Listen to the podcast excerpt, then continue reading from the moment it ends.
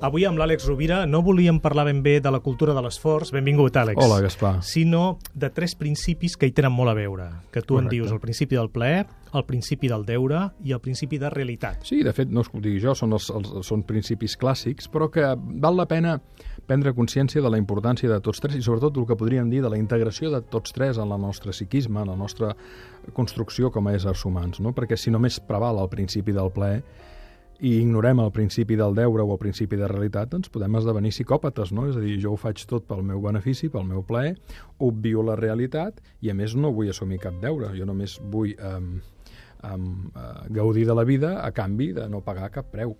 Per altra banda, l'altre Això dia... és molt, perdó, eh, que això és molt d'avui dia. Això és, del- molt, molt sí, és un enfoc, temps. si vols, molt hedonista, molt narcisista, molt eh, al curt termini, però que al final, si estàs negant el principi del deure, el principi de realitat, pagues un preu, perquè cal tenir els peus a terra, no? Perdona que t'he tallat. Anaves a dir que l'altre dia... No, l'altre dia quan parlàvem, precisament en el, a l'apunt que vam fer del bloc de notes, vam parlar de l'error i la mentira, no?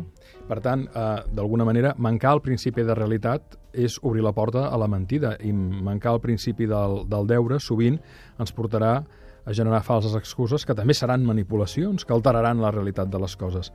Per tant, és molt important tenir tots tres integrats, tots tres. Mm, Deure, realitat i plaer. Per altra banda, i obrint la porta a la que em convidaves, quan parlem de l'esforç, es parla molt avui de la cultura de l'esforç, és a dir, del principi del deure. Però deure sense plaer genera un aprenentatge um, dolorós.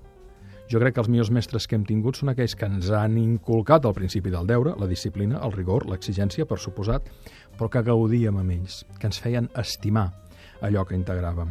Si fórem capaços de fer que adults i infants anessin trenant aquest plaer amb el deure, el compromís, però a la vegada amb un sentit de realitat, farien persones que tindrien una maduresa integrada, una adultesa integrada, alhora que podrien manifestar tot allò de bo que té el, el nen interior, per expressar-ho d'alguna manera, i a la vegada um, es permetrien um, transmetre eh, els límits i també l'efecte en aquells que els envolten. És molt important aquesta tríada que la podem abordar de moltes maneres. En anàlisi transaccional, Eric Verne va parlar dels tres estats del jo, pare, adult, infant, però en qualsevol cas és molt important prendre consciència de que no només és important el deure, de que no només és important el plaer, de que no només és essencial tenir els peus a terra i mirar la vida amb la menor de les contaminacions possibles, i per això ho lligava amb l'error i la mentira, sinó que integrant-ho tots tres és,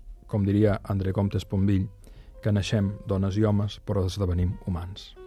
Àlex, moltes gràcies per A tu, aquesta Gaspar, reflexió. El bloc de notes de l'Àlex Rovira cada dissabte a l'Ofici de Vidre. Els oients que vulgueu podeu subscriure's a la secció de l'Àlex, a catradio.cat, i la rebreu cada setmana com aquell qui rep una, una revista, no? O... L'avantatge que té la tecnologia, I tant, que ens i tant. permet accedir a tantes coses ara. I tant. Tenim tota la informació al nostre abast. Sí, Però Una altra cosa és seleccionar-la bé. correcte. Gràcies, Àlex. Gràcies. Els oients també. Una abraçada ben forta.